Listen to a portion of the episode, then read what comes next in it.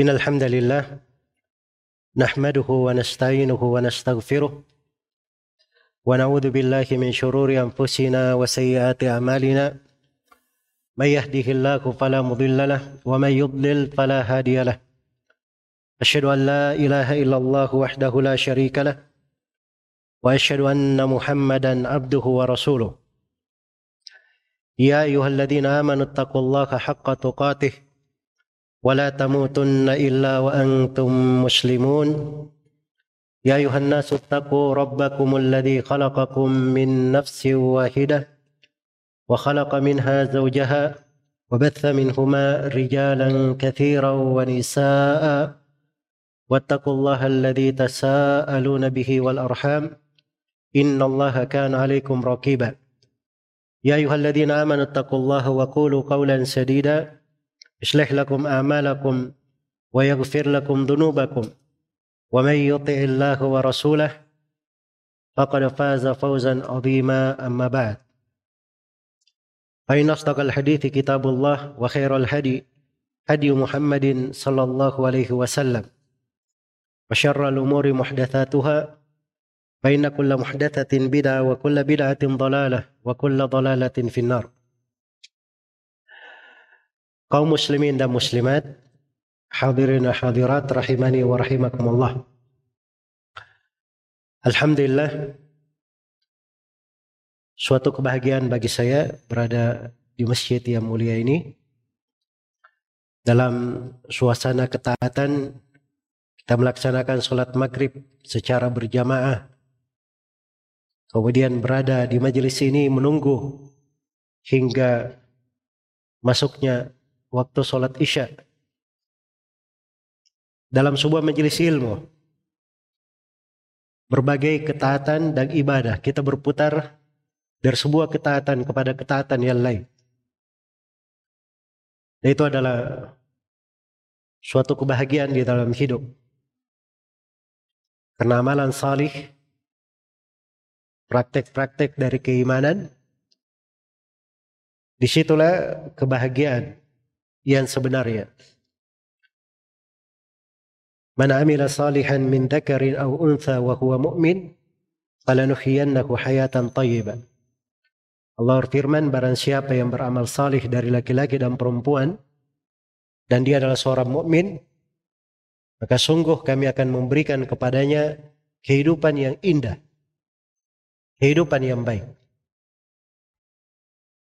Oleh itu saya bermohon kepada Allah Subhanahu wa taala semoga pertemuan kita ini dijadikan sebagai pertemuan yang berberkah membawa kebaikan untuk kita semua di dunia dan di akhirat. Dan saya berterima kasih kepada pihak takmir masjid atas kesempatan yang diberikan dan mereka sebagai sebab kebaikan dalam terselenggaranya acara yang baik ini semoga Allah mencatat pahala untuk semuanya melipat gandakan kebaikan untuk kita dan menjadikan segala kegiatan kita ini hal-hal yang mendukung hati itu kepada kebaikan. Hal-hal yang membuat hati kita lebih dekat kepada ketakwaan. Dan hal yang dengannya bisa menjaga kita semua di atas kebaikan dan ketakwaan. Innahu waliyu dalika wal qadiru alaih sebuah ayat di dalam Al-Quran. Tepatnya di surah Al-Anfal. Allah subhanahu wa ta'ala berfirman, Ya ayuhalladzina amanu istajibu lillahi walir rasuli idha da'akum lima yuhyikum. Wa'alamu anna Allah yahulu bainal mar'i wa qalbih wa annahu ilaihi tuhsyarun. Wahai orang-orang yang beriman. Jawablah Allah dan Rasulnya. Apabila dia memanggil kalian kepada hal yang menghidupkan kalian. Dan ketahuilah, sesungguhnya Allah memisahkan antara seseorang dengan hatinya. Serta ketahuilah bahwa hanya kepada Allah kalian semua akan dikembalikan. Ini sebuah ayat terdapat di dalamnya pembahasan-pembahasan yang agung, kaidah-kaidah besar di dalam kehidupan. Pijakan-pijakan penting untuk seorang muslim dan muslimah. Memang dipanggil dengan seruan keimanan. Ya ayyuhalladzina amanu. Wahai orang-orang yang beriman. Nah ini adalah perintah-perintah untuk orang yang beriman. Wejangan-wejangan yang harus dia perhatikan sebagai orang yang beriman. Ada tiga hal pokok yang ingin kita ingatkan terkait dengan ayat ini. Yang pertama, di awal ayat, seruan supaya kita istijabah. Menjawab Allah dan Rasulnya. Istajibu lillahi walir rasul. Jawablah Allah dan Ar-Rasul. Yaitu Nabi Muhammad sallallahu alaihi wasallam. Sampai kalau seorang itu sholat sunnah di masa hidup Nabi sallallahu alaihi wasallam dan Nabi memanggil maka harus dia dahulukan mendatangi panggilan Nabi sallallahu alaihi wasallam daripada sholat sunnahnya. La di dalam Sahih Al Bukhari dari hadith Abu Said Al-Mu'alla radhiyallahu anhu beliau pernah sholat sunnah. Lalu dipanggil oleh Nabi. Tapi beliau tidak menjawabnya melanjutkan sholatnya. Begitu selesai sholat ia pun datang kepada Nabi Shallallahu Alaihi Wasallam. Maka Nabi berkata kepadanya bukankah Allah berfirman Ya ayuhalladzina amanu istajibu lillahi walir rasul idza da'akum lima yuhyikum. Wahai orang-orang yang beriman, jawablah Allah dan Rasulnya kalau dia memanggil kalian kepada hal yang menghidupkan kalian. Kemudian Nabi pun mengajarkan kepada Abu Said Al-Mu'alla tentang keagungan dari surah Al-Fatihah. Iya. Keutamaan dari surah Al-Fatihah. Ya maksudnya Rasulullah itu ketika melihat dari sahabatnya ada keterlambatan tidak melaksanakan sebuah ayat, Nabi menegurnya. Mengingatkannya. Tapi diingatkan dengan ilmu subhanallah. Iya. Jadi ini menjawab seruan Allah dan Rasulnya apabila dia mengajak kalian kepada hal yang menghidupkan kalian. Jadi poin harus selalu kita ingat. Agama itu kehidupan. Seruan Allah dan Rasulnya itu selalu baik. Kalau sudah pasti itu di dalam Al-Quran dan di dalam hadits Rasulullah Wasallam, ketentuan yang sudah disepakati oleh para ulama, hal yang berasal bersumber dari syariat kita, itu pasti akan membawa kepada kehidupan yang hakiki. Kehidupan yang hakiki. Hal yang menghidupkan kita, menghidupkan hati, menghidupkan jiwa, dan membuat kita hidup dengan sebenar-benar kehidupan. Membuat kita hidup dengan sebenar-benar kehidupan. Dan ini namanya istijabah kepada Allah dan Rasulnya. Kemudian diingatkan hal yang kedua. Wa'lamu anna Allah yahulu bainal mar'i wa qalbi. Ketahuilah bahwa Allah memisahkan antara seorang hamba dengan hatinya. Ini ada keterkaitannya ya. Dengan menjawab seruan Allah dan Rasulnya. Jadi Allah memisahkan antara hamba dan hatinya. Iya. Jangan sampai kita kehilangan hati itu. Jangan sampai kita dijauhkan dari hati tersebut. Jangan sampai ada hal-hal yang merusak hati kita. Sehingga kita terpisah. Hati itu berpisah dari Allah subhanahu wa ta'ala. Ini datang dalam konteks mengingatkan hati-hati. Kemudian di poin yang ketiga di akhir ayat wa ilaihi tuhsyarun. Dan hanya kepada Allah kalian semua akan dikembalikan. Diingatkan akan hari al-hasyr. Diingatkan bagaimana kita akan dikumpulkan di depan Allah Subhanahu wa taala. Ini tiga kandungan global terkait dengan ayat. Semuanya terkait dengan tema pembahasan kita. Ayat ini termasuk dasar pokok untuk seorang muslim dan muslimah membenahi hatinya. Hati ini dalam bahasa Arab disebut al-qalb.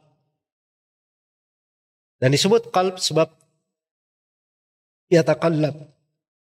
Dia ini berubah-ubah. Berubah-ubah. Gampang berubah, gampang terpengaruh. Itu kata al-qalb secara bahasa dalam bahasa Arab. Karena itu Nabi Wasallam banyak berdoa. Doanya di Sahih Muslim. Allahumma muqallibal qulub Thabbit qalbi atau isrif qalbi ala ta'atika wa dinik. Ya Allah yang memboleh balikkan hati. Kuatkanlah hatiku, teguhkan hatiku. Di atas ketaatan dan agama kepadamu. Hati ini berbolak-balik. Perlu di dibenahi. Kita perlu khawatir terhadapnya. Kita perlu menjaganya, memeliharanya. Apalagi hati itu ketika dihinggapi oleh sesuatu yang merusaknya, kadang bisa membawa kerusakan kepadanya yang lebih besar lagi. Karena itu dalam Al-Quran Allah sebutkan tentang kaum munafikin. Fi kulubihim maradun fazadakumullahu maradha. Di hati mereka itu ada penyakit. Maka Allah tambah lagi penyakitnya. Falamma zagu azagallahu qulubahum. Begitu mereka menyimpang, Allah tambah lagi penyimpangan untuk mereka. Dibuat semakin menyimpang. Hatinya. Itu kondisi hati. Tatkala dia masuk ke dalam perkara-perkara yang membahayakannya, waliyadzubillah, dia bisa dijauhkan dari hati itu. Iya. Makanya itu luar biasa ya peringatan. Wa alamu anna Allah yahulu bainal mar'i wa qalbi. Ketahuilah bahwa Allah itu memisahkan antara seorang dengan hatinya. Mungkin hari ini dia bisa masih merasakan ketaatan, keimanan manisnya, lezatnya iman. Mungkin di besok hari dia kehilangan akan hal tersebut. Karena dia tidak memperhatikan kondisi hatinya. Tidak ada sebab-sebab yang dia tunaikan untuk hal itu. Makanya di antara ketika terjadi fitnah-fitnah yang banyak, Nabi Shallallahu Alaihi Wasallam itu mengingatkan, badiru bil amali fitanan, kakit'il lailil mudlima. Bersegeralah kalian melakukan amalan-amalan untuk menghadapi fitnah-fitnah yang terjadi. Fitnah seperti kegelapan malam. Seperti malam yang sangat gelap. Yusbihur rajulu mu'minan wa yumsi kafira. Yumsi mu'minan wa yusbihu kafira. Seorang lelaki itu kadang di waktu pagi dia mukmin, sorenya kafir. Dia di waktu sore mukmin, di waktu paginya dia kafir. Yabi udinahu bi aradin minat dunya. Dia jual agamanya dengan suatu yang tidak berharga dari dunia. Jangan ada pembiaran pada hati itu. Kalau masuk padanya hal-hal yang jelek, maka harus kita terapi, kita obati. Iya. Diberikan dari hal-hal yang menghidupkannya. Dijaga dengan perkara-perkara yang mempercantik, memperkuat hati itu. Karena orang yang terbiasa, hatinya dibiarkan saja, dia akan lama kelamaan dianggap itu sebagai pembawaannya. Seperti kata seorang penyair, "Wa man yahin yashal yashulil hawanu alaihi wa ma jurhin bimayyitin ilamu." Siapa yang biasa menerima kerendahan, dia gampang direndahkan. Sebab biasanya kan gitu. Dia sudah bergampangan dari awalnya, akhirnya gampang dia dapat kerendahan. Dan akhirnya orang kalau sudah mati hatinya, disayat dengan pisau pun tidak terasa. Dapat hal-hal dalam hidupnya, perkara-perkara musibah, itu tidak berubah. Seperti orang yang mati disayat pun tidak ada rasanya. Itu hati harus dibenahi. Karena itu dalam sekali ayat ini. Wa'lamu anna Allah yahulu bainal mar'i wa qalbi. Ketahuilah bahwa Allah itu memisahkan antara seorang hamba dengan hatinya. Karena itu kalau Allah memberikan kepada kita nikmat keimanan ini, nikmat keislaman ini, maka itu adalah anugerah yang sangat besar harus dijaga, harus disyukuri. Iya. Dan dialah Allah Subhanahu wa taala yang memberikan kepada kita taufik supaya hati itu memiliki dari perhiasan Habbaba ilaikumul imana wa zayyanahu fi qulubikum. Allah buat keimanan itu kalian cintai dan dihiaskan keimanan itu di dalam hatimu dapat perhiasan hati. Kenapa? Allah yang memberikan kepadanya taufik. Karena dia jaga keimanan. Dia beriman kepada Allah. Dia pelihara imannya. Dia pupuk. Akhirnya ada hiasan keimanan di hatinya. Dia bisa merasakan lezatnya iman. Daqa ta'mal iman. Man radiyya billahi rabban. Wabil islami dinan Muhammadin rasula. Lezatnya iman akan dirasakan oleh orang yang rida Allah sebagai Robnya, Islam sebagai agamanya, dan Nabi Muhammad sebagai Rasulnya. Talatun man kunna fihi wajada bihinna halawatal iman. Ada tiga perkara. Siapa yang tiga perkara ini ada pada dirinya, dia akan mendapatkan manisnya iman. Ayakun Allahu wa rasuluhu ahabba ilaihi mimma siwahuma. Hendaknya Allah dan Rasulnya yang paling dia cintai, melebihi keduanya. Wa yuhibbal mar la yuhibbuhu illa lillah.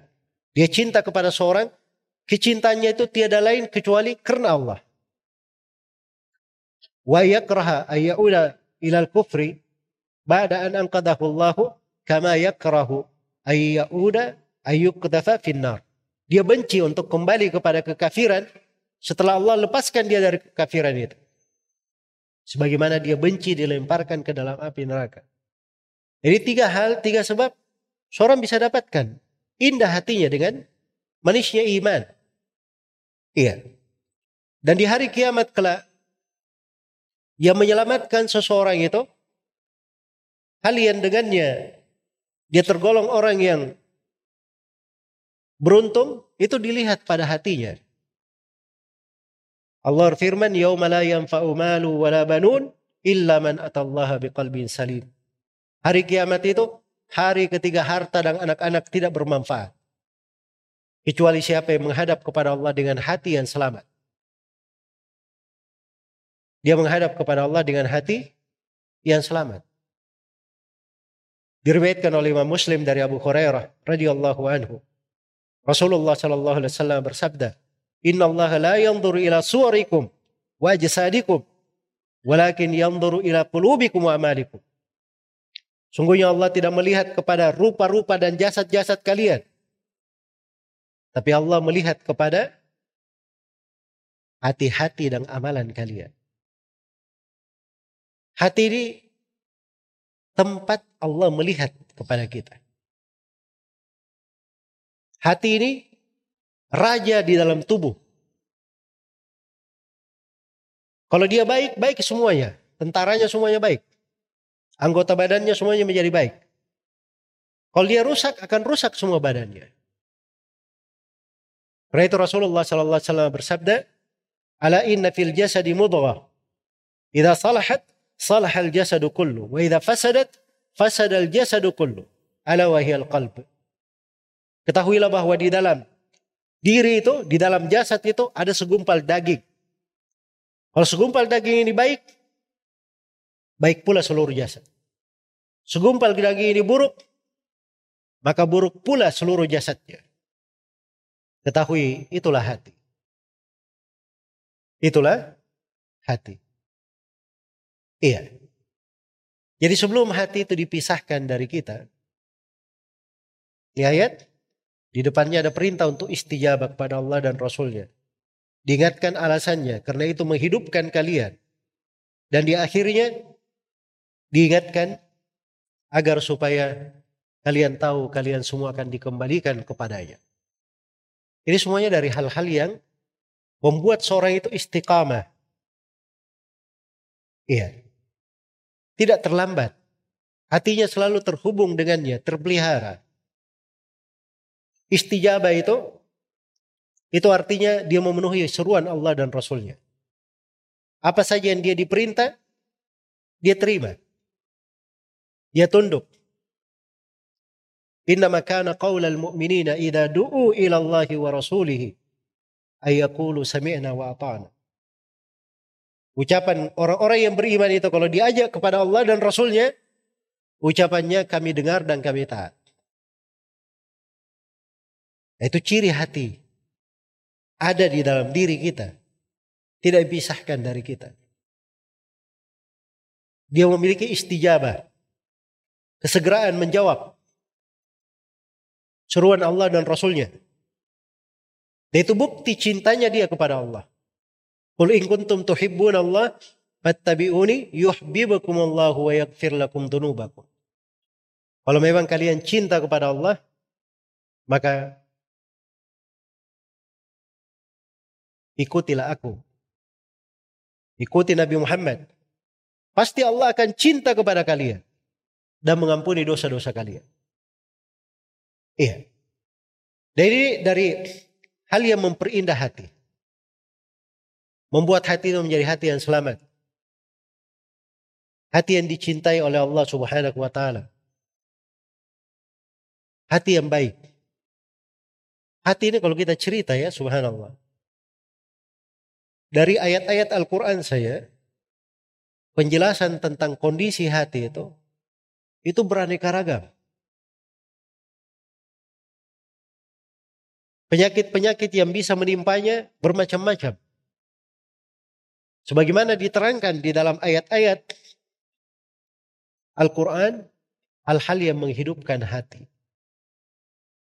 Perkara yang menyebabkan seorang itu memiliki hatinya. Tidak dipisahkan darinya. Itu baru dari ayat-ayat Al-Quran. Belum kita bahas dari hadith-hadith Rasulullah Sallallahu Alaihi Wasallam. Yang menunjukkan bahwa syariat ini sangat memperhatikan hal ini. Dan para ulama berbicara tentang tema ini itu di berbagai sudut pembahasan. Bukan di buku-buku akidah saya. Di pembahasan tentang akhlak, tentang suluk. Bahkan di pembahasan fikih pun dimasukkan hal tersebut. Iya. Dan kadang di sebagian pembahasan dimasukkan tema-tema yang terkait dengan penjagaan hati. Padahal dia terkait, terkait dengan fikih. Sebab itu semuanya berhubungan.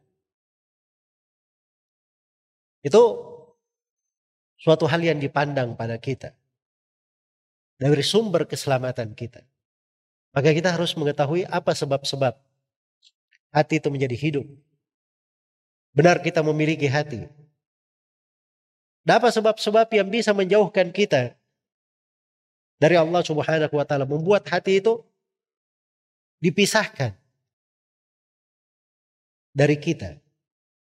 Jadi kita harus pelajari agar supaya kehidupan itu menjadi kehidupan yang baik.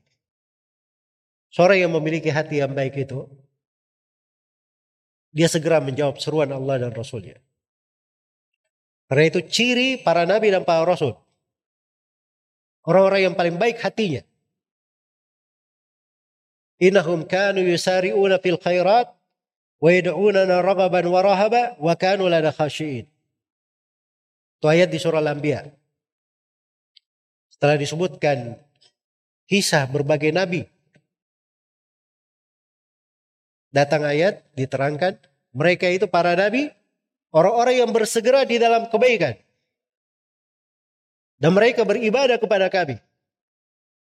Dengan penuh harapan, penuh rasa takut. Harapan rasa takut itu di mana letaknya? Ucapan lisan atau perbuatan badan? Hah? Harapan dan rasa takut. Kaitannya dengan hati. Mereka beribadah kepada Rabbnya dengan penuh harapan dan rasa takut. Dan mereka orang yang selalu khusyuk kepada kami. Amalan hati lagi. Iya. Kesegeraan dimiliki oleh para nabi. Mereka orang yang paling baik hatinya. Karena itu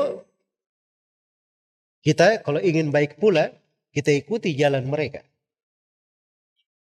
Dan Allah Subhanahu wa taala ketika menyebutkan sifat orang-orang yang beriman di sebuah surah memang disebut dengan nama surah Al-Mu'minun. Surah orang-orang yang beriman. Allah terangkan ulaika yusari'una fil khairat wa hum laha sabiqun. Mereka ini adalah orang-orang yang bersegera di dalam kebaikan. Dan orang yang paling cepat, paling depan untuk hal itu. Ya kalau ada hal yang baik, itu paling cepat itu. Paling segera. Dan itu menunjukkan hati yang baik. Sebab kalau hatinya bermasalah, itu seperti kaum munafikin. Seperti kaum munafikin. Sudah masuk waktu asar masih santai, masih nunggu-nunggu. Tunggu sampai matahari apa? Sudah mau terbenam. Dibahasakan oleh Nabi sampai ketika matahari itu berada antara dua tanduk syaitan. Ini sudah hampir terbenam ini. Baru dia mematuk empat rakaat cepat. Iya. Itu sifatnya kaum munafikin. La ya'tuna salata illa wahum kusala. Yura'una nasa. Wa la yadkuruna Allah illa qalila. Mereka tidak mendatangi sholat kecuali dalam keadaan malas. Ria ingin dilihat oleh orang-orang. Turia itu penyakit hati besar. Apa-apa ingin dilihat orang. Iya. Nah ini kaum munafikin ini, di dalam ayat di surah Nisa ini, itu riaknya riak yang merupakan kekafiran, mengeluarkan dari keislaman. Karena riaknya pada segala keadaan. Iya. Ria yang dibahas oleh para ulama sebagai syirik kecil itu, itu kalau riaknya muncul di keadaan tertentu. Itu yang dibahas sebagai syirik apa? Syirik kecil. Itu pun syirik kecil lebih besar daripada dosa besar. Hati-hati. Karena itu Nabi SAW berkata kepada para sahabatnya, Akhwafu ma akhafu alaikum asyirkul asbar. Hal yang paling saya takutkan kepada kalian, wahai para sahabat, syirik kecil. Ini generasi terbaik ini. Manusia-manusia pilihan mendampingi Nabi Shallallahu Alaihi Wasallam sebagai sahabatnya. Bersamaan dengan itu Nabi Shallallahu Alaihi Wasallam khawatirkan atas mereka apa? Syirik kecil. Ketika para sahabat bertanya, apa syirik kecil itu ya Rasulullah? Kata beliau, ar-ria. Ria. Kaum munafikin sudah pemalas, ria. Tidak berdikir kepada Allah kecuali sedikit. Sholatnya sedikit. Iya. Sholatnya sedikit. Karena itu orang yang hatinya itu baik, dia bisa lihat pada kondisi dirinya. Bagaimana ketika ada perintah. Ada suruhan adan misalnya, cepat dia menjawabnya. Ada lebih tinggi lagi tingkatannya. Sebelum adzan dia sudah gelisah mau ke masjid. Nah, itu lebih tinggi lagi tingkatannya. Ada lebih tinggi lagi tingkatannya. Seperti sebagian salaf itu, yang selama 20 tahun, dia tidak mendengarkan suara adzan kecuali dari dalam masjid. Selama 20 tahun. Iya. Kita jangankan 20 tahun, satu hari saja coba. Ya jelas ya. Dan itu ada hal yang terkait dengan hati. Kata Nabi Shallallahu Alaihi Wasallam, "Man adraka mal imami takbirat al ihrami arba'ina layla, kutibat lahu bara'atan. Bara'atun minan nifaq wa bara'atun minan nar." Siapa yang mendapati bersama imam takbirat al ihram selama 40 malam, masyumat 40 malam bersama hari. Maka ditulis untuknya dua pembebasan. Pembebasan dari kemunafikan dan pembebasan dari apa? Dari api neraka. Jadi sholat itu ciri. Kita mengukur hati. Makanya sebagian ulama itu berkata, kalau kamu ingin tahu hatimu itu kayak gimana, lihat pada sholat. Lihat pada pada sholat. Suatu hari Nabi Shallallahu Alaihi Wasallam melihat dari para sahabatnya ada keterlambatan menghadiri sholat, sholat berjamaah. Dan ini di Sahih Muslim dari hadits Abu Sa'id Al Khudri radhiyallahu anhu. Maka Nabi Shallallahu Alaihi Wasallam bersabda, "Taqaddamu, etamu bi, wal bikum man khalfak." Maju-maju kalian, kata Nabi. Daya kalian di belakang mengikutiku. Dan kalian nanti diikuti oleh orang yang di belakang kalian. La yazalu qawmun yata'akharuna hatta yuakhirahum Allah. Terus menerus satu kaum itu dia terlambat sampai Allah membuat perkara-perkaranya itu terlambat. Jadi kadang kalau ada yang terlambat dalam bisnisnya, dalam niaganya, dalam nikah, mungkin ada kaitannya dengan masalah ada kaitannya dengan masalah sholatnya. Iya. Maka hati itu penting untuk diperhatikan. Kesegeraan hati itu, tatkala dia berada di atas kondisi yang sangat indah, dekat kepada Allah, maka dia pasti akan segera. Makanya Nabi Musa alaihi salam itu ditanya oleh Allah, dia bersegera datang ke Bukit Tur untuk memenuhi panggilan.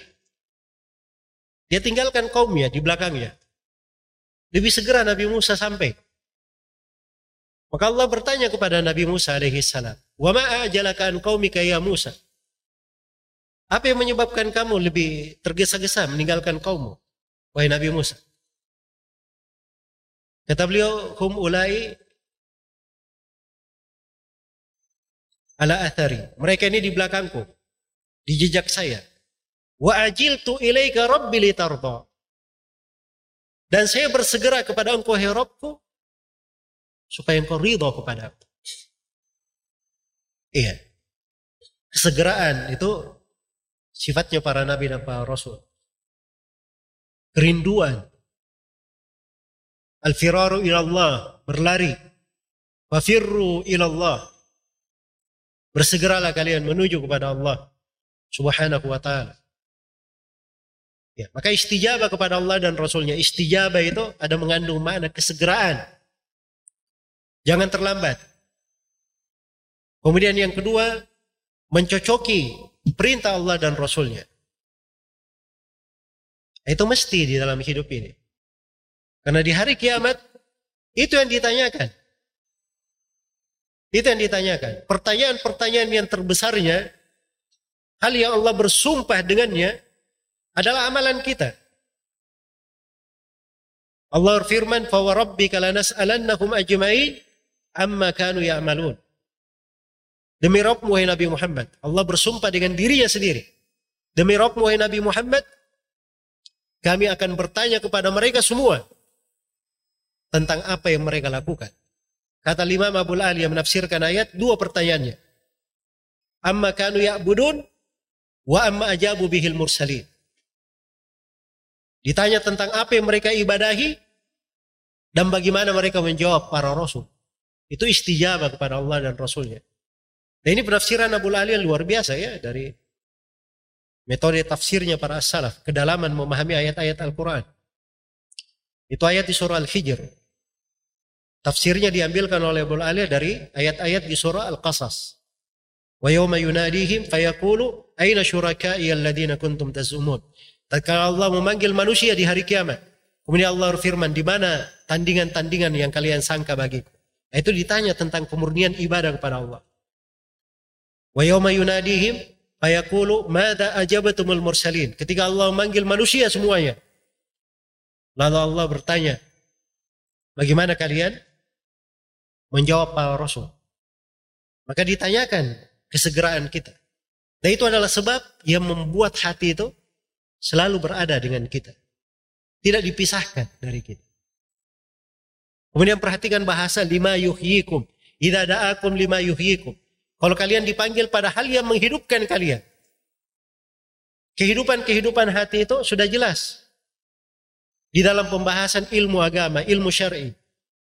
Karena itu orang yang lagi belajar ilmu agama, mempelajari ilmu agama, itu orang yang hidup dengan kehidupan yang sebenarnya. Awaman kana maitan fahyainahu wa ja'alna lahu nuran yamshi bihi fin nas kaman mathaluhu fi dhulumati laysa bi kharijin minha. Apakah orang yang tadinya dia bayat? Ini mayat ya. Kemudian kami hidupkan dia. Kami beri cahaya dia berjalan dengannya. Ini seorang muslim ya. Dia dulu tidak kenal hidayah. Allah beri hidayah. Dulu dia mayat. Allah hidupkan dia, diberi cahaya, dia berjalan dengannya. Apakah sama orang yang seperti ini dengan mayat dalam kegelapan tidak mau keluar darinya? Jadi hati-hati ya. Ada mayat-mayat berjalan dalam bahasa Al-Quran ini. Orang mungkin beraktivitas bergerak, tapi di dalam hukum Al-Quran dia adalah mayat-mayat, tidak hidup. Orang yang hidup itu ada kehidupan hakiki. Itulah dengan ilmu, dengan keimanan, dengan amalan salih, istijabah kepada Allah dan Rasulnya,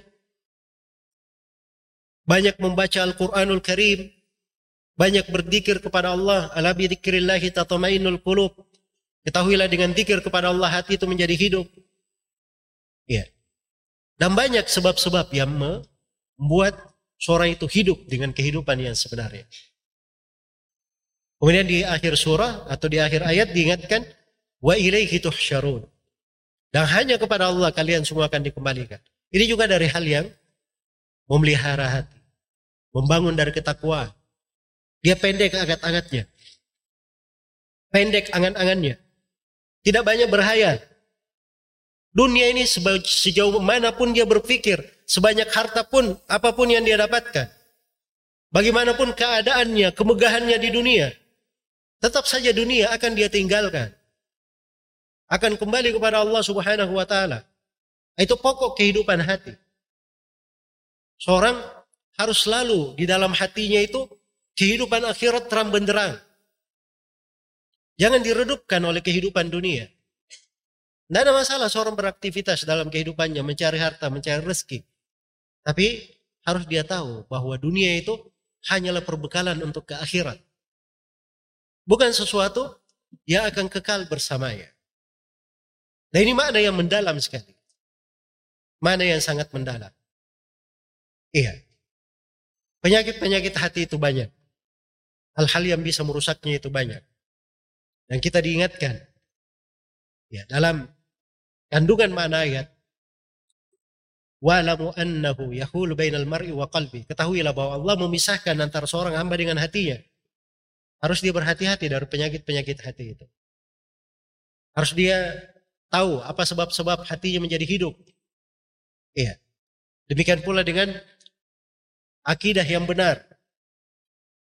Akidah yang benar itu pokok kehidupan. Sampai dia cinta kepada sahabat Nabi Shallallahu Alaihi Wasallam saja, itu kehidupannya, hatinya menjadi terjaga. Karena itu dalam Al-Quran dikatakan, "Walladzina ja'u min ba'dihim yaquluna Rabbana ighfir lana wa li ikhwanina alladhina sabaquna bil iman wa la taj'al fi qulubina ghillan lil ladzina amanu." Orang-orang yang datang setelah para sahabat, mereka berdoa, "Wahai Rabb kami, Jagalah kami dan saudara-saudara kami yang mendahului kami dengan keimanan. Dan jangan jadikan di hati kami ada penyakit terhadap orang-orang yang beriman. Nah, itu sebab. Dan ini pembahasan luas ya dari mana dan tema. Mudah-mudahan kandungan dari ayat ini bermanfaat untuk kita semua. Sudah masuk waktu sholat isya. Semoga apa yang telah kita jelaskan bisa menjadi uh, sebuah lentera yang membimbing kita di dalam kehidupan, pijakan-pijakan yang dengannya kita bisa lebih dekat kepada Allah Subhanahu wa taala. Innahu waliyyu dzalika wal qadiru alaih. Subhanakallahumma wa bihamdik asyhadu an la ilaha illa anta astaghfiruka wa atubu ilaik. Walhamdulillahi rabbil alamin. Wassalamualaikum warahmatullahi wabarakatuh.